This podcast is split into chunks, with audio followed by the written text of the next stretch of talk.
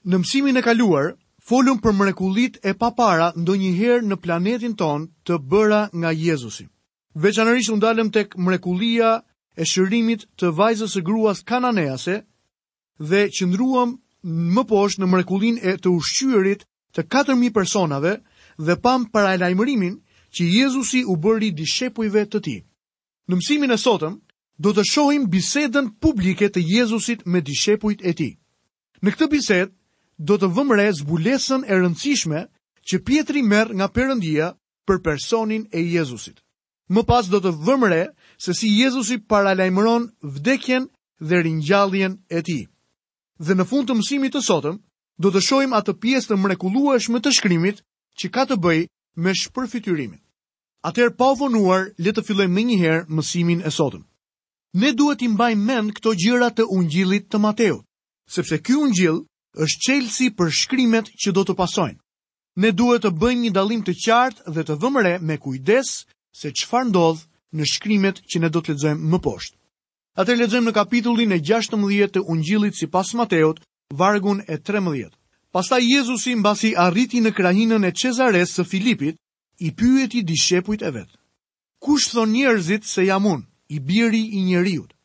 Nëse shikoni në hartë, do të gjeni tre Çezare. Çezareja e Filipisë shtrihet në veri të Detit të Galilesë. Zoti Jezus është në veri dhe është në një pozicion nga i cili ai do të fillojë lëvizjen drejt Jeruzalemit dhe kryqit. Përpara se të fillojë këtë udhëtim, janë dy gjëra që duhet të qartësohen në mendjet e dishepujve. Së pari, Kush është Jezusi? Dhe së dyti, çfarë do të bëjë ai? Miku im, këto janë dy gjërat për të cilat secili prej nesh si i krishterë duhet të jetë i qartë. Ne duhet të dimë se kush është Jezusi dhe se çfarë ka bërë ai për ne. Ne duhet t'i dimë të gjitha këto gjëra në mënyrë që të mund të ushtrojmë besimin tonë dhe të shpëtohemi. Vini re pyetjen e parë të Zotit tonë. Kush thonë njerëzit se jam unë i biri i njeriut? Kjo është një pyetje që ai vazhdon të na e bëjë të gjithëve dhe një pyetje në të cilën ai është ende duke u përgjigjur dhe në ditët e sotme. Jezusi ende është personi më i diskutueshëm që ka jetuar në tokë. Tani do të dëgjojmë pikëpamjen e turmës e cila e ndoqi atë. Unë besoj se në qoftë se ju ose unë bëjmë një pyetje të tillë në cep të një rruge të qytetit tonë, ne ndoshta do të kemi përgjigje të njëjta sepse njerëzit janë ende të konfuzuar në lidhje me të. Shikojmë vargun e katërmbëdhjetë, Dhe ata thanë, Disa Gjon Pagëzori, të tjerë Elia, të tjerë Jeremia ose një nga profetët. Disa thonë se ti je Gjon Pagëzori, Gjon Pagëzori ishte një njeri i madh dhe njerëzit e njihnin si të tillë. Në ditët tona ka shumë njerëz të cilët thonë se Jezusi ishte një mësues i madh. Disa duke iu referuar Jezusit thonin se ai ishte Elia. Emri Elia është forma greke e emrit Elija. Elia sigurisht që ishte një njeri i madh dhe ka njerëz në ditët tona që thonë se Jezusi ishte gjithashtu një njeri i madh. Dhe të tjerë Jeremia. Jeremia ishte profeti që qan. Dhe njerëzit e panë Zotin tonë të qante. Turma i dha atij besimin si të ishte një profet i madh. Ose një nga profetët. Unë mendoj se kishte një variacion pikëpamjesh se cili nga profetët ishte Jezusi. Këto ishin pikëpamjet e shumicës së njerëzve të asaj kohe. një predikues i ri më dëgjoi duke folur për këtë gjë. Ai doli jashtë në rrugë dhe u drejtoi njerëzve që kalonin aty disa pyetje në lidhje me Jezusin. Ai mori shumë lloj pikëpamjesh. Disa thanë që Jezusi ishte mësuesi më i madh që kjo botë kishte parë ndonjëherë. Një person tha se ai ishte themeluesi i fesë. Një tjetër tha që ishte një njeri i mirë. Një tjetër e vendosi Jezusin në një klasë me njerëzit e tjerë të famshëm të historisë. Ju mund ta shihni që ata thonë se Jezusi ishte vetëm njëri nga profetët. Tani Zoti Jezus kthehet tek apostujt e tij dhe i pyet ata. Lexojmë vargjet pesëmbëdhjetë dhe gjashtëmbëdhjetë. Ai u tha atyre, Po ju kush thoni se jam unë? Dhe Simon Pjetri duke u përgjigjur, tha, Ti je Krishti, biri i Perëndisë së gjallë. Kishte ardhur koha që dishepujt të merrnin një vendim dhe të jepnin dëshminë e tyre për Jezusin. Simon Pjetri ishte sigurisht zëdhënësi i grupit. Ai tha: Ti je Krishti, që do të thotë Mesia, i vajosuri, ai për të cilin u predikua në Testamentin e Vjetër. dhe Zoti Jezus ishte përmbushja, plotësimi i profecive. Ai ishte biri i Perëndisë së gjallë. Deri në këtë pikë, kjo ishte dëshmia më e mirë dhe kontributi më i lartë që mund të bëhej për të. Ky është Jezusi. Lexojmë më poshtë vargun e shtatëmbëdhjetë. Dhe Jezusi duke u përgjigjur, u tha, I lumur je ti, o Simon, biri i Jonas, sepse këtë nuk ta zbuloi as mishi, as gjaku, por Ati im që është në qiej. Vetëm Shpirti i Shenjtë mund t'ia bëjë të njohur Krishtin çdo personi. Askush sot nuk mund t'i thërrasë Jezusit Zot përveçse nëpërmjet frymës së Perëndisë. Vetë fryma e Zotit mund t'i marrë gjërat nga Krishti dhe të na i zbulojë. Jezusi tha, Këtë gjë nuk ta zbuloi mishi dhe gjaku. Kjo do të thotë që ti nuk e mësove këtë gjë duke qëndruar me mua. Dëgjoj njerëz që thonë, Në qoftë se unë do të kisha qëndruar me Jezusin për tre vjet. Apostujt qëndruan me të rreth dy vjet e gjysmë. Atëherë edhe unë do ta njihja atë. A do të mundje vallë? Miku im, ti mund ta njohësh Jezusin po aq mirë edhe sot, sepse Shpirti i Shenjtë i Perëndisë ta bën atë të vërtetë. Lexojmë vargun e tetëmbëdhjetë. Dhe unë po të them gjithashtu se ti je Pjetri dhe mbi këtë shkëmb unë do të ndërtoj kishën time dhe dyert e ferrit nuk do ta mundin atë. Le ta shohim këtë varg me shumë kujdes. Mbi cilin shkëmb ndërtoi Jezusi kishën e tij? Ka nga ata që thonë se ajo është ndërtuar mbi Simon Pjetrin. Mirëpo, është e dukshme që nuk ishte kështu. Këtu kemi një lojë të fjalës. Në gjuhën origjinale greke thuhet, Ti je Pjetri, një copë e vogël shkëmbi, dhe mbi këtë shkëmb ose themel unë do të ndërtoj kishën time. Ka të tjerë që besojnë se Krishti po e ndërton kishën e tij mbi rrëfimin që Pjetri bëri. Unë nuk jam në mënyrë absolute dakord me këto. Kush është shkëmbi? Shkëmbi është Krishti dhe kisha është ndërtuar mbi personin e Krishtit. Ne kemi shpjegimin e vetë Pjetrit mbi këtë argument. Tek letra e parë e apostullit Pjetër në kapitullin e dytë dhe vargun e katërt, apostulli Pjetër duke iu referuar Krishtit, shkruan, duke iu afruar atij si te guri i gjallë, i flakur tej nga njerëzit, por i zgjedhur dhe i çmuar përpara Perëndisë. Dhe ai kujton librin e profetit Isaia, kapitullin e njëzet e tetë dhe vargun e gjashtëmbëdhjetë. Ja, unë po vë në Sion një gur çipi të zgjedhur, dhe ai që beson në të nuk do të turpërohet aspak. Kisha është ndërtuar mbi Krishtin. Ai është themeli, sepse askush nuk mund të hedhë themel tjetër përveç atij që është hedhur, i cili është Jezu Krishti, thotë apostulli Pal në letrën e tij të parë drejtuar Korintasve kapitulli i tretë dhe vargu i njëmbëdhjetë. Krishti është themeli dhe ai thotë se mbi këtë shkëmb ai do të ndërtojë kishën e tij. Kur Zoti bën këtë deklaratë, kisha nuk ishte krijuar ende.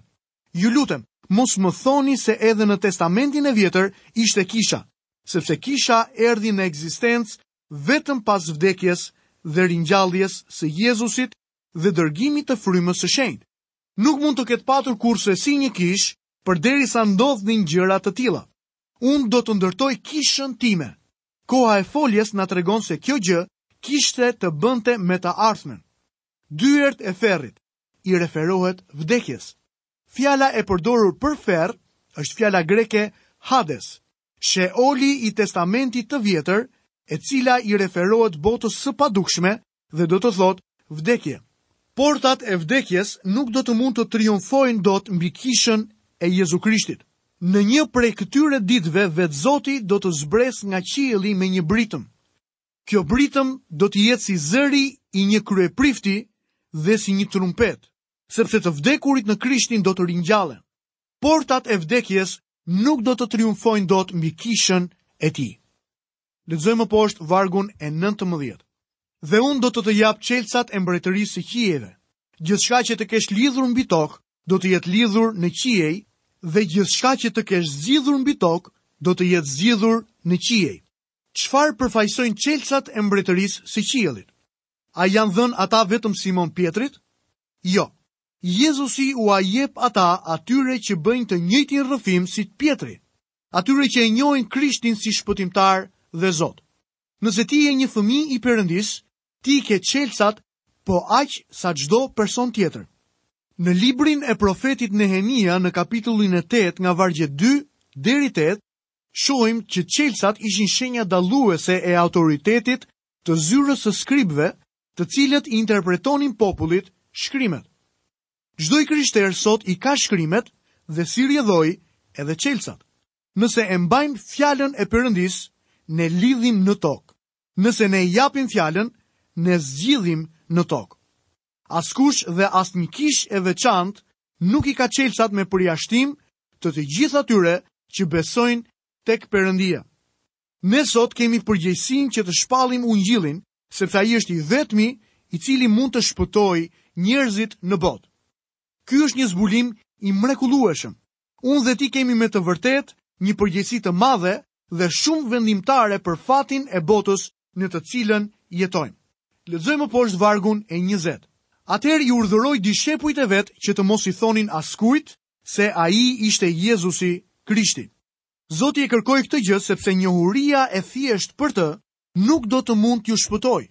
Për të gjetur shpëtimin, ju duhet të dini kush është ai dhe se çfarë ai ka bërë për ju. Dhe së fundmi, e gjitha kjo duhet pranuar me besim.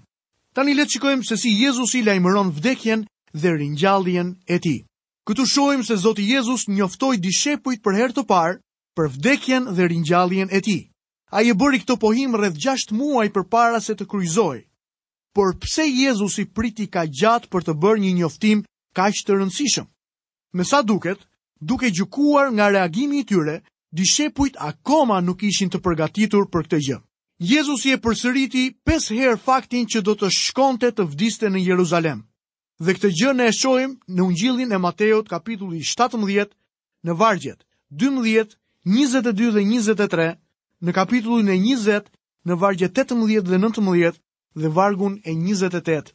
Pavarësisht nga ky udhëzim intensiv, dishepujt deri pas ringjalljes së Jezusit dështuan në të kuptuarit e gjithë kësaj që Jezusi u kishte folur atyre më parë.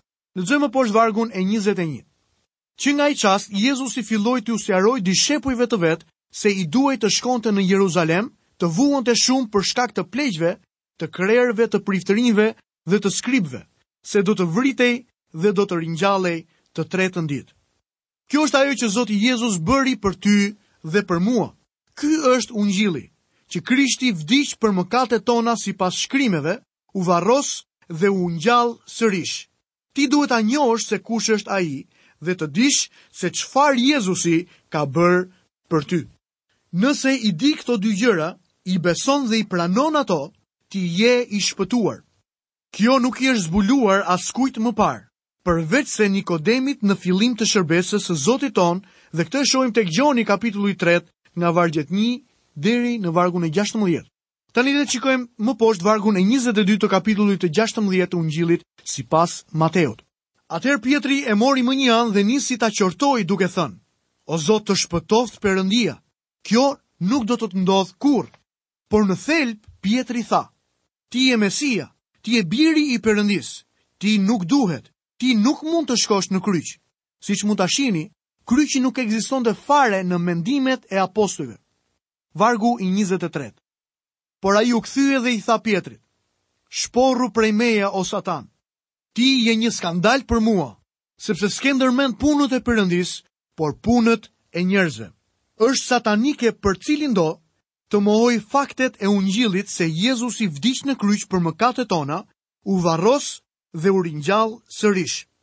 Është djallëzore madje edhe kur këto të vërteta mohohen nga goja e ndonjë të ashtuquajturi klerik. Miku im, Vdekja zëvendësuese e Krishtit është e vetmja gjë që mund të na shpëtojë ne të gjithëve. Pjetri më vonë do të shkruante: Ai vetë i barti mëkatet tona në trupin e tij mbi drurin e kryqit, që ne, të vdekur për mëkate të rrojmë për drejtësi dhe me anë të plagëve të tij ju u shëruat. Çfarë transformimi kishte ndodhur në mendjen e Pjetrit? Zoti ynë i tha Pjetrit, Shporru prej meje, o Satan! Tani imagjinoni, këtu është Pjetri i cili me anë të Shpirtit të Shenjtë mund të thoshte se Jezusi ishte Biri i Perëndisë dhe menjëherë pas këtij momenti ai e lejoi Satanin ta mashtronte atë. Lexojmë vargun e njëzet e katër. Atëherë Jezusi u tha dishepujve të vet, Në qoftë se dikush do të vijë pas meje, le ta mohojë vetveten, ta marrë kryqin e vet dhe të më ndjekë. Shumë njerëz e interpretojnë këtë varg kështu, Le t'i mohojë vetes akulloret, ose le t'i mohojë vetes pak luks. Por ky varg po na thotë, Le të mohojë vetveten. Ju tashmë e dini se për çdo njeri, personi më i vështirë për t'u mohuar është vetvetja. T'i mohosh vetes ëmbëlsira është mjaft e vështirë, por të mohosh vetveten është me të vërtetë shumë më e vështirë.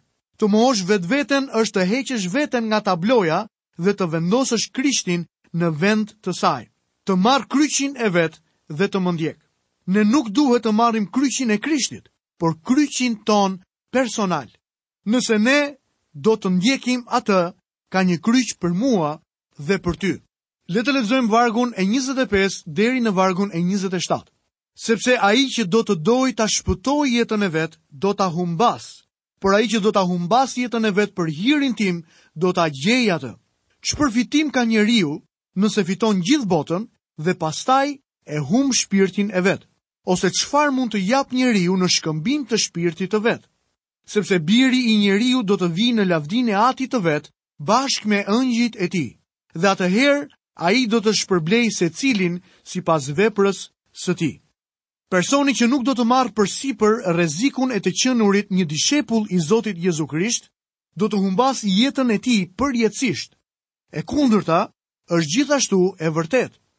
Në ardhjen e dytë të Krishtit do të bëhen të gjitha llogaritë dhe secili do të marrë shpërblimin e vet. Lexojmë më poshtë vargun e njëzet e tetë. Në të vërtetë ju them se disa nga ata që janë të pranishëm këtu nuk do të vdesin pa e parë më parë Birin e Njeriut duke ardhur në mbretërinë e vet.